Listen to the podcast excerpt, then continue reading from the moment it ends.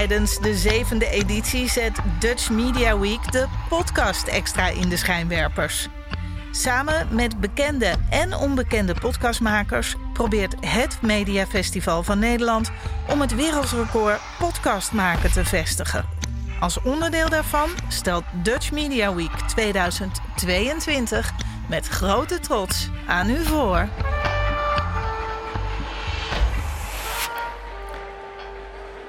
Dit is de podcast Publiek Werk. In deze podcast duiken we in de wonderlijke wereld van het openbaar bestuur. We verdiepen ons in de ambtenarij, het management, bestuur en iedereen die er tegenaan schurkt. We hebben het over macht, effectiviteit, loopbaankeuzes, leermomenten en nog veel meer. We zijn Laura Huigens en Jan Deen, twee bevlogen ambtenaren die zowaar een podcast zijn begonnen. Hoe maken we het beter en hoe maken we het leuker? Daar draait het om.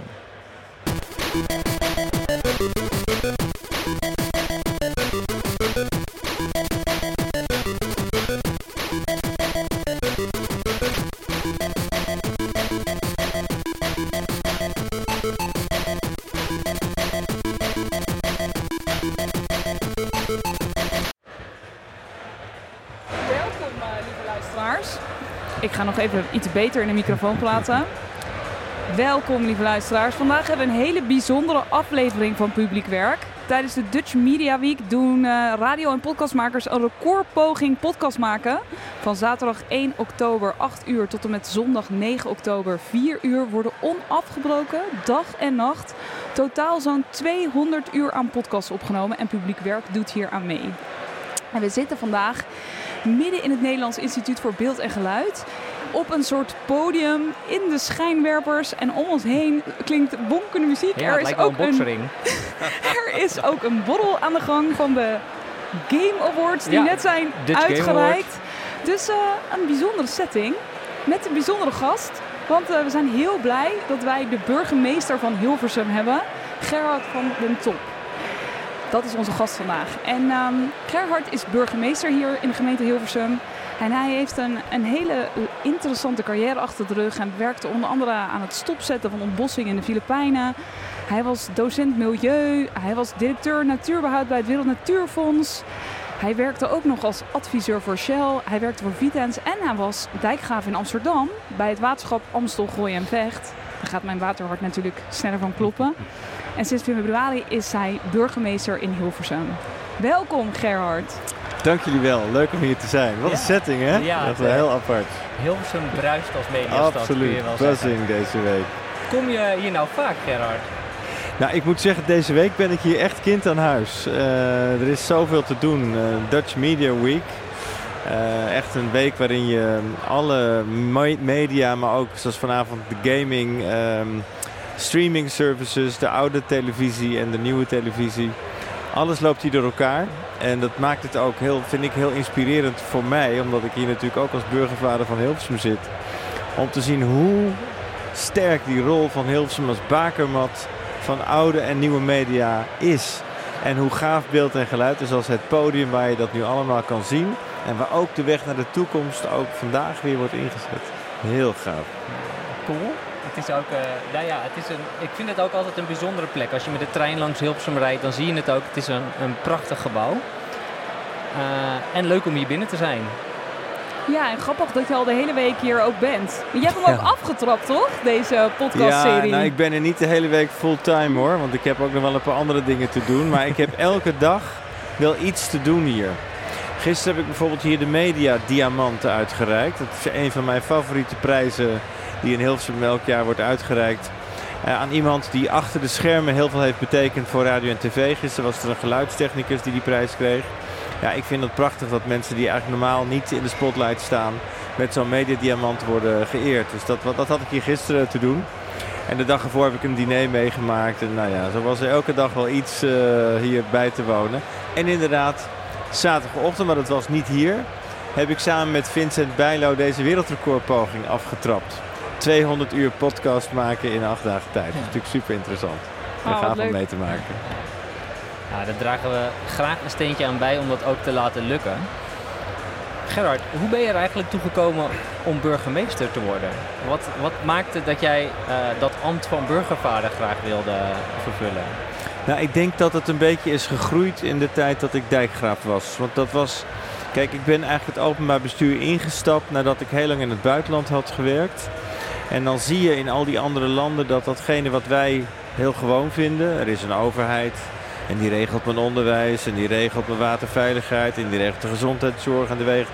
Dat vinden we allemaal heel normaal hier. Maar als je in het buitenland gaat kijken, dan zie je hoe, hoe, je, in, hoe je de sigaar bent als dat er niet is. Dat het niet goed geregeld is. Dus ik dacht toen ik terugkwam, ik, ik wil mij gaan inzetten voor die publieke taak. En daar ben ik begonnen vanuit mijn, eigenlijk mijn oude vak, het watervak. In Amsterdam als dijkgraaf. Ja, en dan kom je in de veiligheidsregio en dan ontmoet je burgemeesters. En dan kom je in Hilversum. En dan ineens op een gegeven moment denk je, wacht eens eventjes.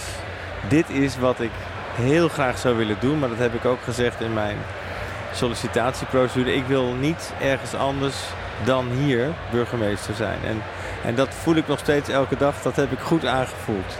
Dit is wel de place to be, vind ik, in dit ambt. Het is de mooiste plek om burgemeester te mogen zijn in Nederland. Nou, dat is uh, goed om te horen, toch? Ja, nou ja, dan kan het niet anders dan, dan met hem eens zijn, want ik woon hier inderdaad. Maar ehm, wat ik zelf wel interessant vind, wat is nou voor jou het grootste verschil tussen, tussen dijkgraaf zijn en burgemeester? Want het lijkt ergens op elkaar. hè? Je Ja. bent voorzitter van een, van een bestuur, je leidt de vergaderingen, maar het lijkt Ja. me toch een heel andere dynamiek. Nou, de, de, de politieke dynamiek is niet zo heel anders hoor. Dat, er is ook in de waterschappen een hele behoorlijk stevige politisering eh, doorgevoerd. Dan heb je ook politieke partijen, dan heb je ook debat en, en serieuze verschillen van mening over nou ja, wat er in de water, eh, op het gebied van waterbeheer moet gebeuren.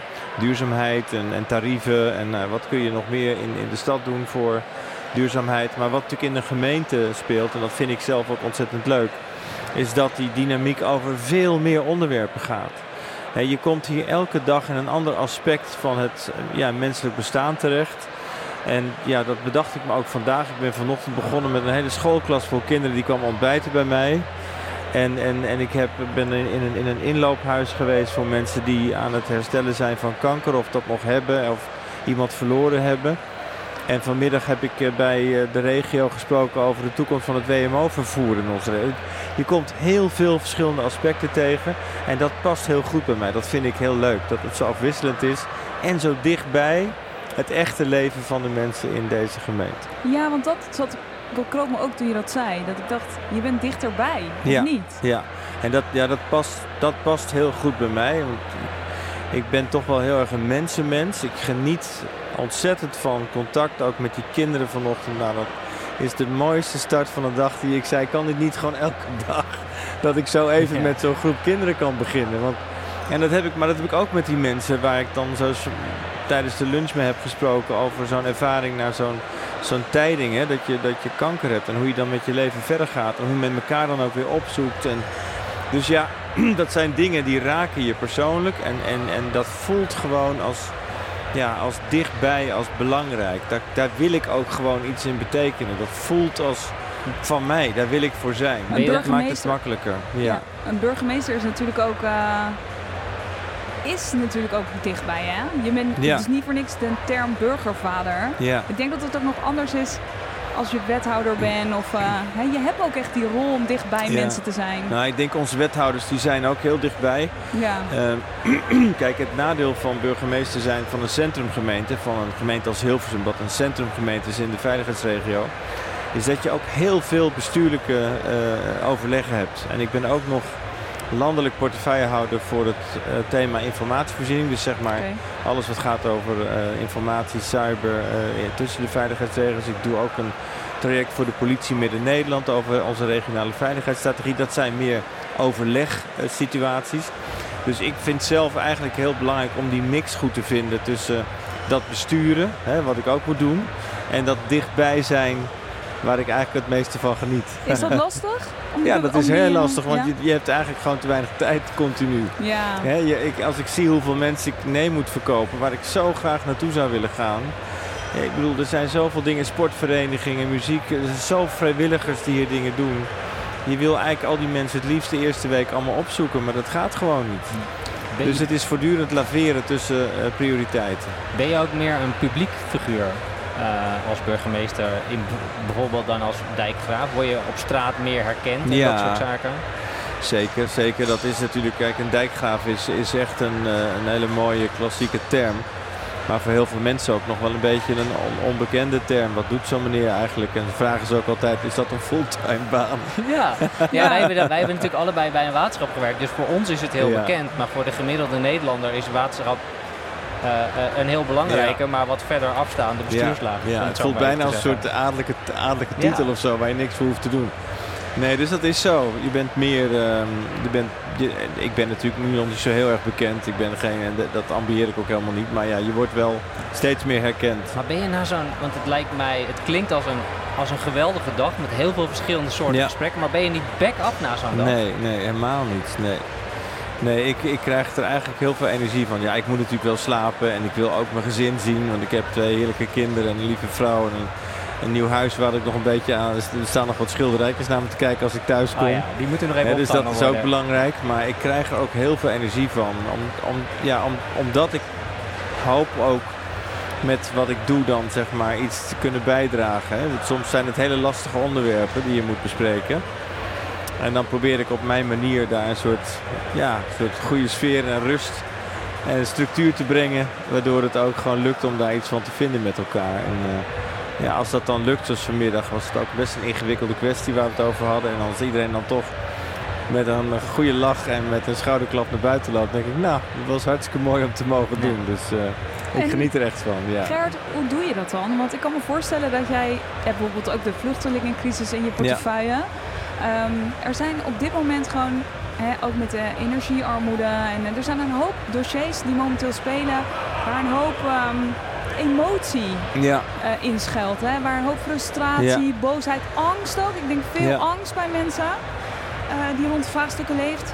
Hoe ga je ermee om? En weet je wel, wij zijn ook altijd op zoek naar hoe we kunnen leren, zeg maar. Dus eh, Ja, nou ik weet niet of je Hoe van mij je kan dat? leren, maar ik, ik, wat, ik, wat ik probeer te doen zelf, dat is, en ik denk dat dat voor mij heel erg eh, definiërend is geweest. Dus toen ik kinderen kreeg, ik was best wel wat ouder al toen de eerste kwam, was ik 45. En ik besefte toen heel erg dat eigenlijk is je belangrijkste opdracht als ouder, maar dus ook als burgervader, is toch schetsen eh, dat er perspectief is. En niet eh, ja, de moed op te geven. Er is geen reden om moed op te geven. En ik vind het ook heel inspirerend om te zien hoe mijn kinderen naar de toekomst kijken. Volkomen onbevangen. Die zijn helemaal niet pessimistisch. Die kijken gewoon van, goh, mijn zoon die ziet al lang een elektrisch vliegtuig rondvliegen. En eh, mijn dochter denkt over de, de, de samenleving waarin, je, waarin iedereen mag zijn die die is. Of die zij is, of die het is. Dat Ja. vindt ze allemaal prima. ja. Dus die hele die bagage die wij hebben van Zij denken was veel meer in kansen en ja, mogelijkheden. en wij hebben allemaal dat vroeger en, en anders en ja, maar en nee, die kinderen kijken gewoon in volkomen openheid naar de toekomst. En als wij dat ook een beetje doen, dan ontstaat er gewoon mentale ruimte.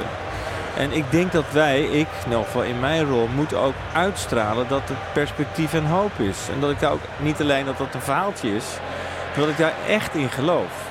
Want ik denk dat dat misschien wel een van de heel weinige toegevoegde waarden is die je hebt als leider. Dat mensen het gevoel krijgen van hé, hey, maar de- misschien ligt daar wel een mogelijkheid. Hè? En daar, daar zit voor mij dan ook een beetje mijn, laat ik dan maar zeggen, compassie of mijn, mijn, mijn, mijn gedrevenheid. Ik wil graag mensen het gevoel geven dat er perspectief is en dat we het samen gewoon eh, gaan oplossen. En dat we dus samen ook een, eh, een volgende stap kunnen zetten die niet per se slechter is dan het in het verleden was. Misschien wel beter.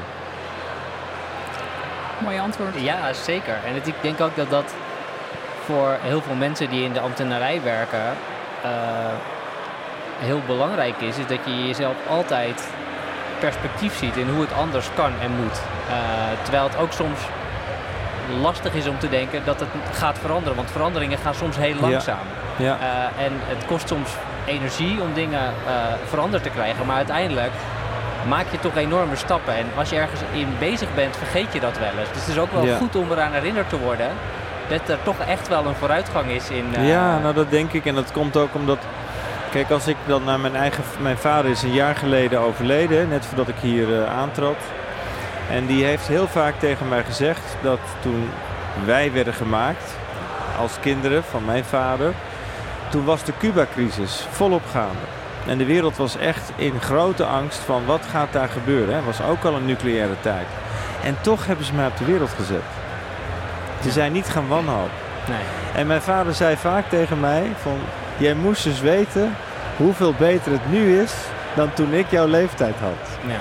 En dat perspectief, hè, want hij kon natuurlijk een hele lange rit overzien, dat probeer ik ook vast te houden. De medische wetenschap en de technologie en hè, bijvoorbeeld nu met onze telefoons en met internet, wat je in zo'n coronaperiode aan eenzaamheid oplost, omdat je kan blijven spelen met je vriendjes die niet, die niet op school komen. Er zijn zoveel nieuwe kansen weer in de nieuwe technologie. Er zijn ook bedreigingen, altijd. Maar je moet wel proberen om die kansen ook te pakken en daar ook ja, in te durven duiken. Met het vertrouwen dat het ook ergens toe kan leiden. Dat het Ja. goeds kan brengen. Ja. ja, goed verhaal. Dat, eh, eh, dat is in die zin eh, fijn om zo positief in het leven te staan. Ik denk dat dat ook heel, heel waardevol is. Maar Gerard, je bent nu, je bent nu ja, nou, ik zeg even negen maanden bijna.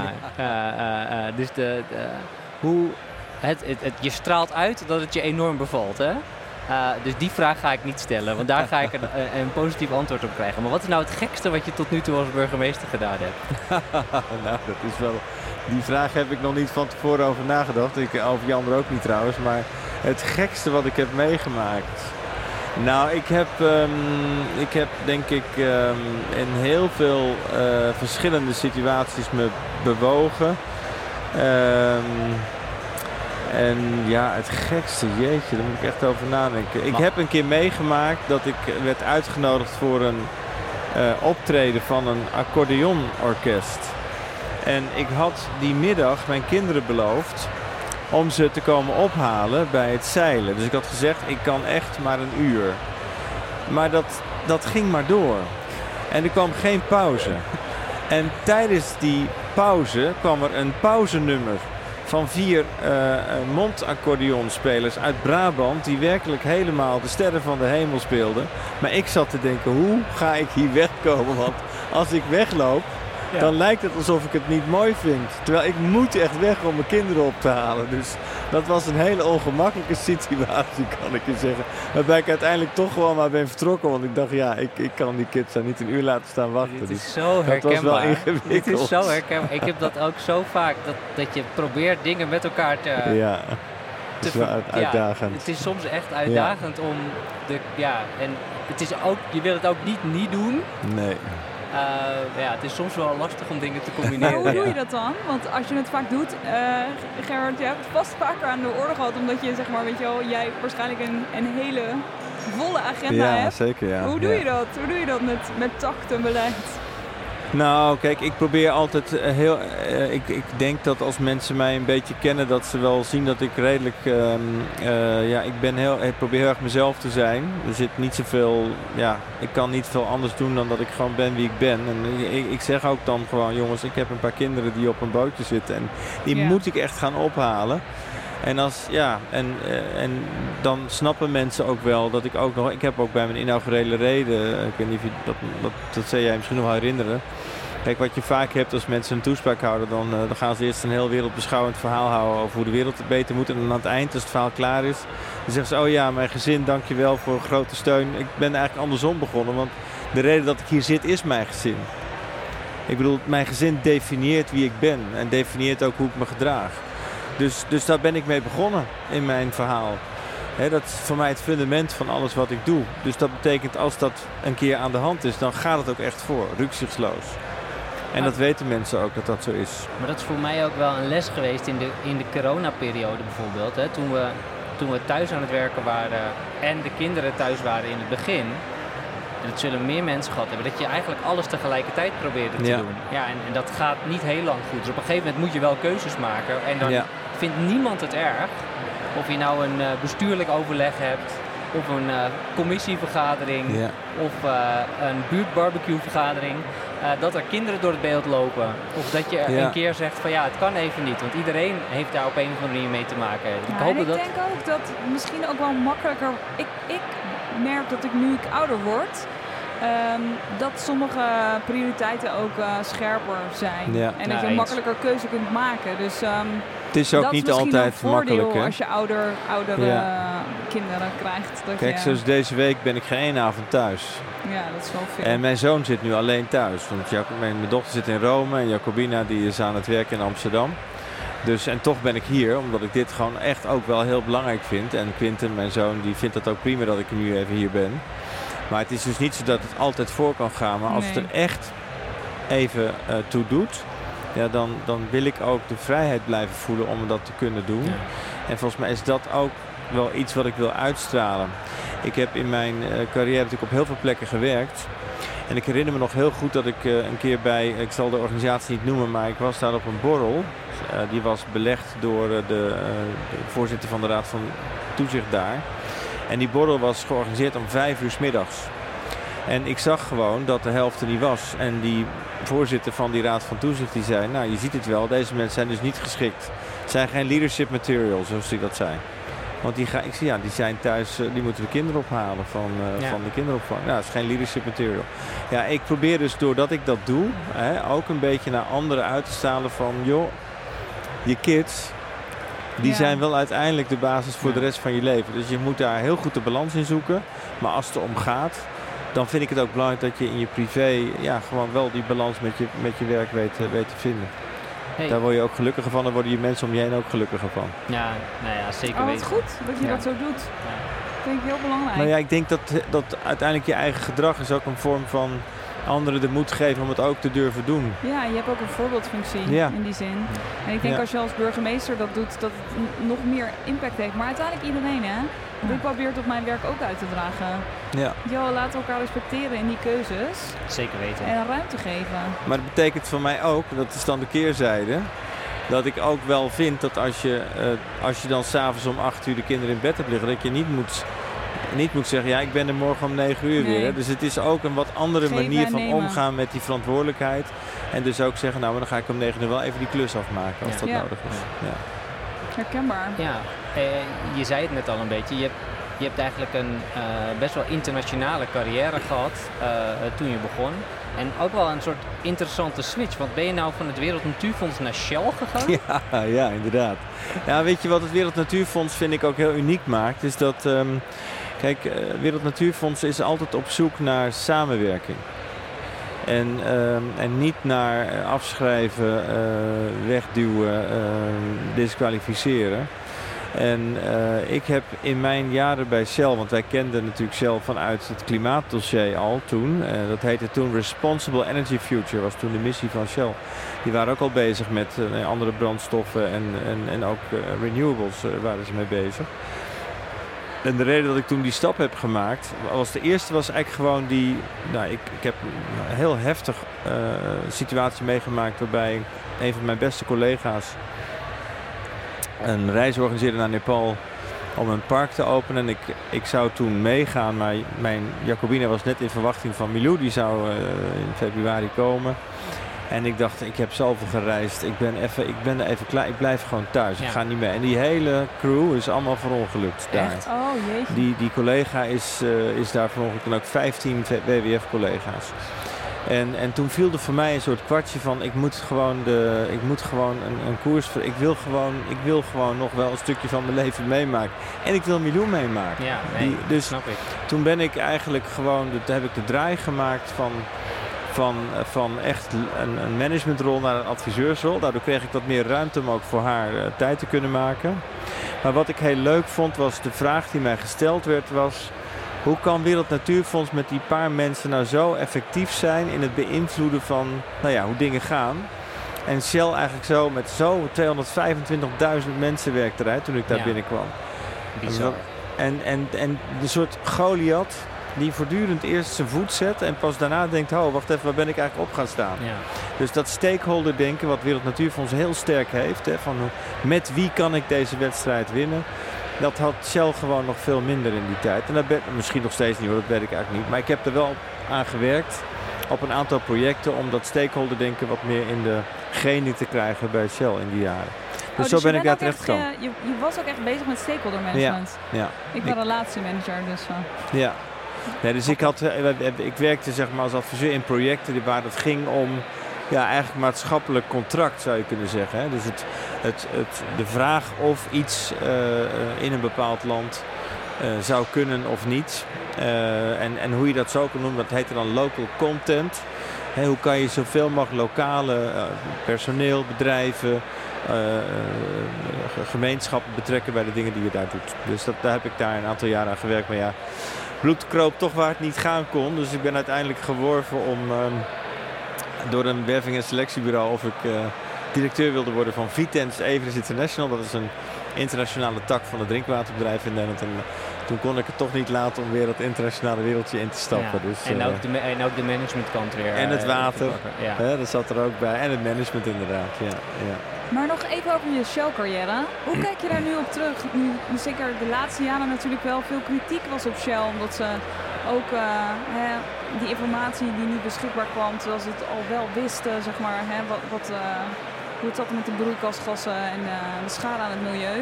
Hoe kijk je daarop terug? Want je bent natuurlijk een tijdje onderdeel geweest van die club. Ja. En dat was ook een andere tijd. Dus nou, hoe kijk je daar naar Ja, ik weet het niet. Ik weet niet of het een andere tijd was. Ik, ik bedoel, ik heb gewoon, uh, ik heb in mijn tijd bij Shell heb ik heel veel geleerd over de energiewereld. Ja, en dan helpt het volgens mij niet om, uh, om maar eens te gaan. Uh, dat, we kunnen allemaal oordelen, maar ik zie toch buitengewoon veel mensen die hier rondlopen echt wel s'avonds gewoon aan de pomp staan. Ja, zeker. Dat en, is ook en zo. dus dat is het interessante van ons gedrag, ja. hè, dat we allemaal hele morele en grote dingen vinden. Maar dat we wel ons huisje warm willen stoken en dat we wel van A naar B willen. En of het nou met de trein of met het vliegtuig is, we zitten er wel allemaal in. Dus, en dan vind ik Shell nog altijd op de wereld, het wereldtoneel een van de meest vooruitstrevende energieproducenten uh, die er is. En ja, ik geef het je te doen uh, om in zo'n omgeving waarin zij opereren met zulke gigantische investeringen die je moet maken om ons van energie te voorzien. Ja, om, om daar dan, natuurlijk, ik, zal niet zeggen dat Shell, ze hebben dingen niet goed gedaan, maar ik was buitengewoon onder de indruk van dat bedrijf. Ook collegialiteit, de expertise die er is de, het gevoel van verantwoordelijkheid uh, om, om dingen te veranderen. Ja, en Shell is ook gewoon een energiereus met een enorme omvang die ook niet zo heel snel verandert. Dus nee, dat ja, dat is wel. ook daar maar ik kan wel me voorstellen dat als je ervoor gewerkt hebt, weet je al, dat, het, dat je ook anders kijkt naar dit soort berichten ja. en dat het ja. je ook anders raakt. Nou ja, dus ik kijk, Shell naar. heeft concurrenten in landen uh, buiten ons die, uh, waar niet de vrijheid is om te protesteren zoals wij dat hebben. Nee. Die het misschien wel veel minder goed doen dan onze Shell. Uh, dus ik, ik ben wat voorzichtig met nee, oordelen. maar dat is sowieso ja. überhaupt ja. heel ingewikkeld, ja. toch? Dat als wij dingen afstoten of verkopen of hè, dat het misschien dan wel naar een ander deel gaat van de iemand industrie anders gaat. produceren. gaat wat niet wegneemt wat dat Shell echt een klus te doen heeft. En dat weten ze zelf ook. Maar, maar het is dus, niet zo makkelijk. Je bent dus eigenlijk toen in die tijd al bezig geweest met wat nu ook heel belangrijk is, namelijk het betrekken van uh, de omgeving en de, en de bevolking bij de keuzes die gemaakt worden. Ja. ja ik zie zelf als, uh, als raadslid ook hoe, hoe ingewikkeld het is om, om inwoners mee te nemen in de, in de opgaves die er zijn. Uh, dus dat is denk ik uh, best een ingewikkeld traject waar ook gemeentes, maar ook waterschappen en de Rijksoverheid als het ware mee te maken hebt. Heeft. Hebt. Ja, nou kom op. Hebben. Hebben. Ja, hebben zelfs. Hebben ja. zelfs. Is, dat nou een, is er nou iets uit die periode wat, uh, waarvan je denkt, ja, dat, daar hebben we echt nog iets in te leren als je, als je het ook vergelijkt met hoe, uh, hoe overheden nu bezig zijn? Nou ja, er zitten denk ik een paar uh, dimensies in. Hè? Het eerste wat volgens mij heel erg aan het, waar echt onderhoud nodig is. als je kijkt naar het huis van Thorbecke, zoals ik het dan altijd maar noem, hè? de ordening van onze democratie is dat uh, het allereerste principe waar we met elkaar uh, voor gekozen hebben, is de representatieve democratie. Dat betekent dat er iemand is geweest, en niet maar één, maar een heleboel mensen, die hebben jou op jou gestemd. En op jouw partij gestemd. Want we hebben in Nederland een partijdemocratie, niet een personendemocratie. Ik heb in de Filipijnen gewerkt. Daar had je een personendemocratie. Er werd op een congressman gestemd. Op een mens, een persoon. Ja. Maar wij kiezen voor een partij met beginselen, met doelen, met idealen. Dat is belangrijk. Dat is een heel ander verhaal. Hè? Dus dat, het begint ermee dat je als bewoner iemand het vertrouwen geeft om jou te representeren. En dat die politieke democratie door een uh, een burgemeester vind ik dan die daar zelf niet al te veel van moet vinden, moet worden geholpen om samen tot goede oplossingen te komen. Dat is wat mij betreft nummer één. Ja. De representatieve democratie. Maar in die participatieve democratie, waarin je wil dat mensen ook kunnen meespreken, hoort ook een stap waarbij je naar mensen luistert. Waarbij je ophaalt.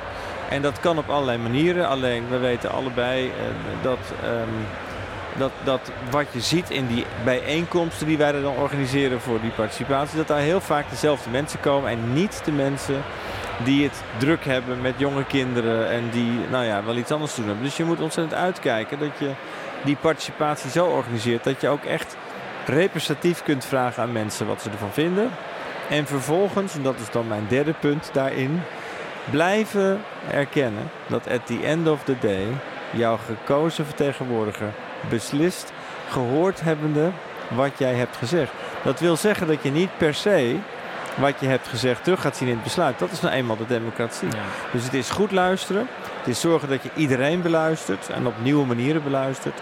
Maar ook duidelijk maakt dat het niet betekent dat als je wordt beluisterd dat je ook altijd gehoord zult Je- voelen. Omdat uiteindelijk de raad, ook in de gemeente de raad en in het land het parlement, beslist waar het naartoe gaat. Dat, dat is voor mij de kern van participatie. Het is onderdeel van de besluitvorming, maar het is niet de besluitvorming. Ja, daar ben ik het heel erg mee eens. En je ziet dat waar het vaak misgaat, is het verwachtingenmanagement Ja, dat aan is de heel erg voorkant. Ja. Eh, Ja. En ik denk dat we ook als politici het niet altijd even goed zijn om uit te leggen welke keuzes we gemaakt hebben. Eh, Ja. In algemene zin. Ja. Dilemma logica. Ja, dat is, wij hebben Guido Rijnja, ik weet niet of je die kent. eh, eh, die heeft het principe dilemma-logica, die hebben wij ook eh, gesproken in de podcast. En ik heb ook een, een inspiratiesessie eh, met hem Oh ja? gedaan binnen de Ja. gemeenteraad. En ja, eh, luister die terug mensen eh, en kijk het ook terug. Dat is een, eh, eh, ja, een heel inspiratievol eh, Leuk. iets. Ja. Zeker, ja. Even terug naar de watersector. Want ik ben toch waterschapper. En Ja. eh, ik werk nu voor HDSR, het Hoogheemraadschap de Stichtse Ja, ja, ja, ja. Ehm, jij bent overgestapt naar, naar Vitens, eh, directeur geworden van Evides. Vitens Evers International was de internationale Oh ja, tak van die beide Ja, ja. drinkwaterbedrijven. Ja, Drinkwater is nu ook volop in het nieuws de afgelopen weken. ja klopt Hoe kijk je naar die wateropgave? Want eh, je, gaat, je bent nu eh, natuurlijk burgemeester geworden. Ja, Net nu water en bodem meer sturend moet gaan worden in de ruimtelijke ordening. ja. Iets waar we al jaren mee bezig zijn eh, in de watersector. Ja. Drinkwater hè, maakt zich daar ook druk over. Hoe kijk je daarnaar? Nou, om je de waarheid te zeggen, ehm, toen ik nog dijkgraaf was, toen heb ik mij altijd een beetje verzet tegen die, stu- tegen die opdracht. Want ik vind dat, nee, maar dat komt, daar vind ik echt iets van. Omdat ehm, er is, ehm, eh, eh, het is nogal aanmatigend, vind ik, om als enkelvoudige sector tegen een andere te zeggen: Ik wil jou sturen. En zeker voor een eh, sector, de watersector, die ook de opdracht heeft vanuit ons democratisch bestel om te zorgen dat datgene wat vanuit de algemene democratie, waarin alles wordt afgewogen, ook wel mee te denken hoe we het mogelijk kunnen maken. Dus ik vind wel dat wij heel goed rekening moeten houden met water aan de voorkant van hoe wij dingen plannen. Maar het zeggen, het moet sturend zijn, dat vind ik heel aanmatigend. Dus ik ben daar zelf, dat weet ook mijn collega Dijkgraven wel van toen, nooit zo'n hele grote fan van geweest. Ik vind het belangrijk dat water zwaarwegende eh, eh, ik maar zeggen, eh, argumenten in kan brengen en moet brengen. En ook kan helpen om de ruimtelijke ordening toekomstbestendig te maken. Daar ben ik het van harte mee eens. Dat is ook nodig. Beter water vasthouden, misschien minder snel afvoeren, zorgen voor de waterkwaliteit. Dat is allemaal, ben ik het helemaal mee eens. Alleen dat sturende, wij willen sturen. Als ik dan kijk waar die gemeenten allemaal mee te maken hebben nu. Nee, en de provincie, dat, dat, vind ik heel ingewikkeld. En Ja. jij zegt dus ook eigenlijk van eh, juist die ingewikkelde afwegingen hè, Ja. die we moeten maken, waar je nu middenin zit, Ja. dat je schetst, eh, maakt dat je veel meer moet meewegen. Ja, dat, dat, dat is eigenlijk precies wat ik wilde zeggen. Ja. Dus ik, ik, ik, ik, vind, ik vind als iemand bij mij binnenkomt in, in een gesprek en tegen mij zegt, meneer eh, Deen, even voor alle duidelijkheid, ik wil u sturen, want ik ben eigenlijk belangrijker dan al die andere dingen, dus wij gaan sturen. Nou, ik zou willen zeggen, ik wil graag serieus worden. Ik wil dat u serieuze aandacht besteedt aan mijn, Ja. aan mijn eh, verhaal. En dat wij samen tot de beste oplossing komen. En dan is dan bij dat ik ook wel wat kan helpen oplossen. Want ik ben wel watermanager. Ja. Daar zijn we namelijk de beste in de hele wereld. Dus, dus we moeten ontzettend uitkijken, vind ik, met al die ja, een beetje uh, opgewonden, stevige teksten van we gaan sturen met water. Ik ben het er misschien wel, snappen waar het vandaan komt. Maar ik vind het ook heel ingewikkeld om het zomaar als een adagium neer te leggen. Waarbij iedereen eerst gaat luisteren naar de waterschap en daarna gaat nadenken wat ze gaan doen. Het hoort erbij, maar het is niet het enige.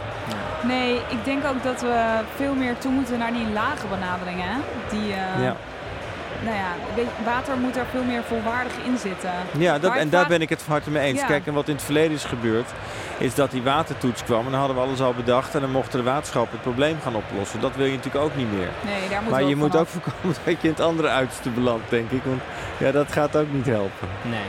Denk ik.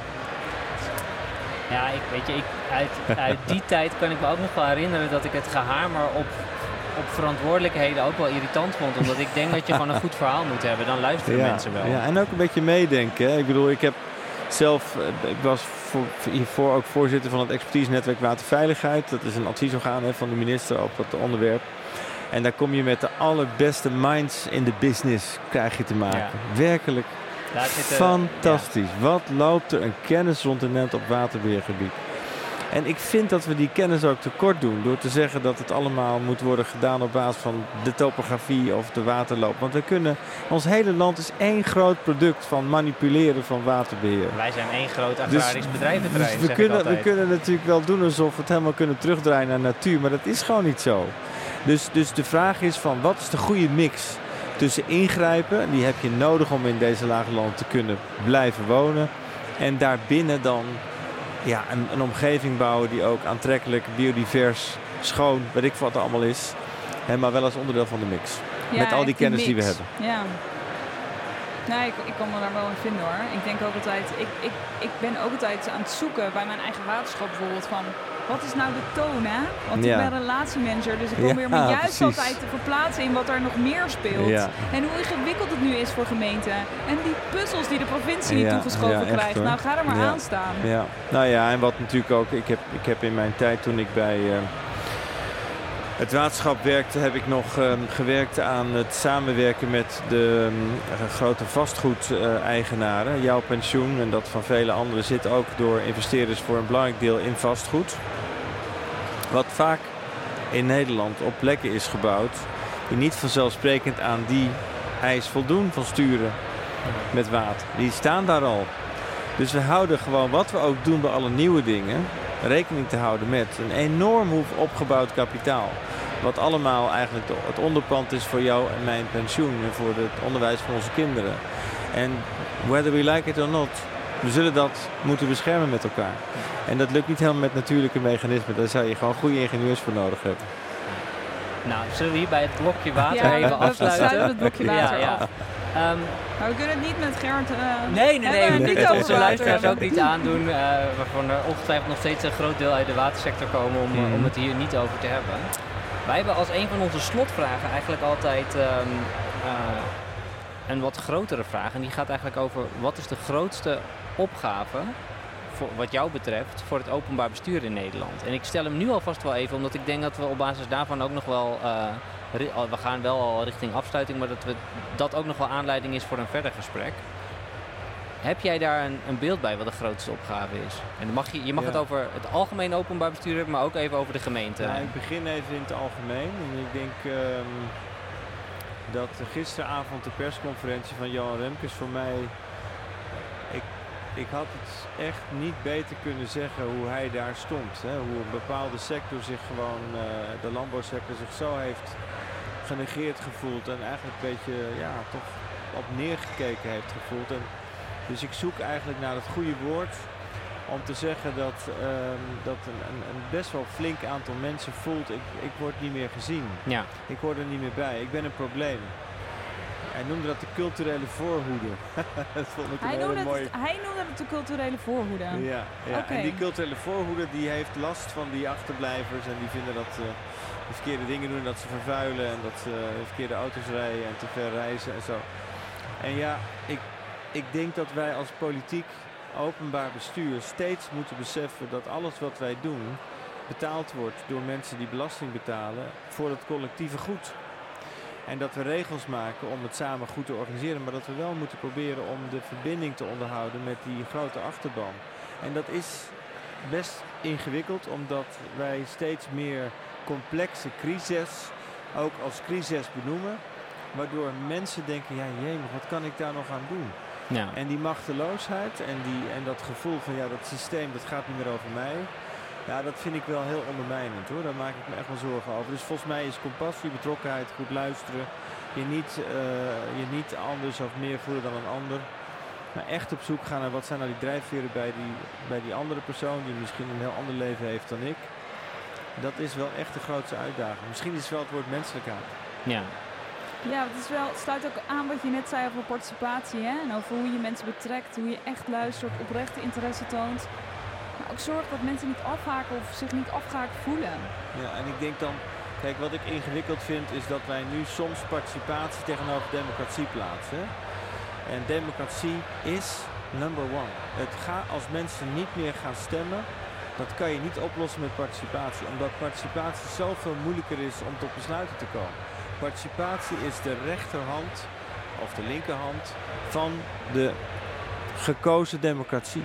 En daar komt op basis van een mandaat van een kiezer een besluit tot stand wat we samen dragen. En dat doen we mede op basis van participatie. Maar het is nooit een alternatief voor democratie. Dus die democratie is gewoon, de, ja, is gewoon het, dat is wat op het spel staat als wij die verbinding niet weten te herstellen. Nou, dat is heel makkelijk om te zeggen en heel moeilijk om wat aan te doen. Ja. Maar dat is wel de grootste uitdaging. En ik denk dat dat in onze gemeente ook speelt. Ik denk alleen wel, en dat heb ik ook ehm, eh, vorige week ehm, zo besproken met een aantal mensen uit de landelijke politiek. Ik denk dat Hilversum en de raad van Hilversum, in hoe die er nu bij zit, in elk geval een kans heeft, omdat wij zo dicht bij eh, de omgeving kunnen staan, dat het voor ons veel makkelijker is om dat te gaan doen als we het echt willen, dan wanneer je in Den Haag zit en met zo'n complex land. Dus wij, ik denk dat wij als gemeente wel een kans hebben om het te laten zien. Ja, Dat zou mijn ambitie ook wel zijn. daar ben ik eerlijk met je gezegd. eens. Maar misschien zit hij daar ook wel. Hè? Begint het ook wel bij de gemeente. Want die het. zijn dichtbij. Dus die kunnen het... Ja, die kunnen laat- ook nog aanraakbaar zijn. En laten we wel wezen, de gemeenten zijn ook eh, voor een groot deel verantwoordelijk voor de uitvoering van Ja. taken die heel dicht Ja. bij de, in- bij de Ja. inwoners komen. De besluiten worden wel eh, voor een groot deel daarvan in Den Haag eh, genomen. De, de begroting van Hilversum is vorige week gepresenteerd op mijn verjaardag. Dat was een mooi cadeautje eh, eh, van de huidige coalitie. En wij geven orde grootte 300 miljoen uit volgend jaar. En daarvan komt bijna 75 procent uit, vanuit het Rijk.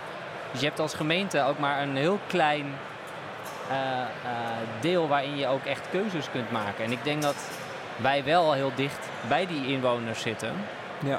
bij mensen zitten. En dat is denk ik de opgave, als je het aan mij zou vragen voor eh, Den Haag, is om die verbinding met de mensen wat meer te maken en wat Ja. minder met elkaar bezig te zijn. Nou ja, wij hebben daar natuurlijk in onze raad ook over gesproken, Janno.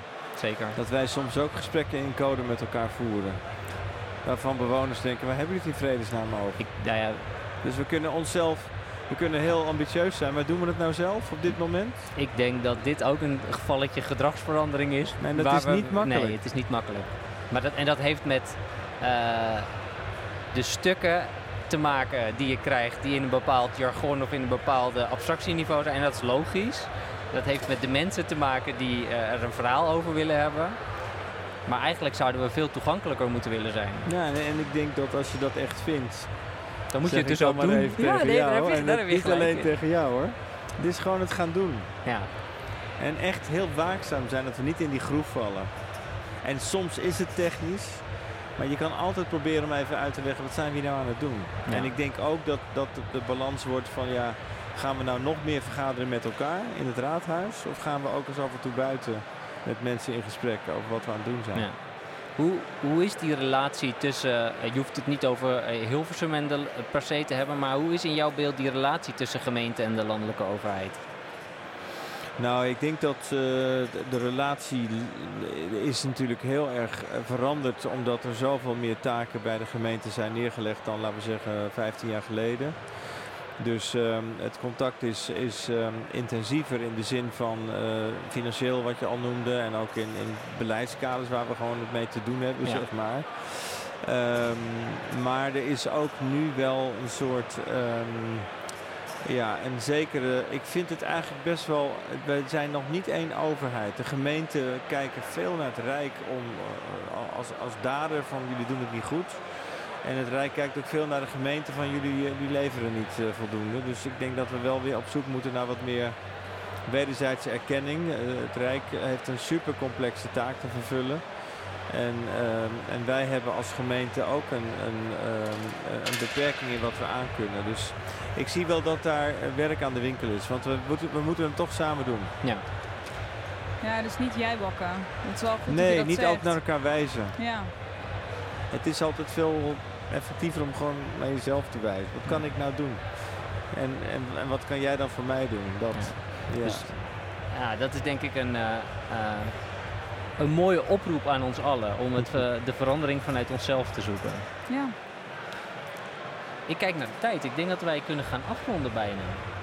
Ik denk het ook. Heb jij nog een laatste vraag? Of, eh, Ehm, nee, volgens mij eh, zijn we dit. Hebben onze slotvraag eigenlijk al gesteld.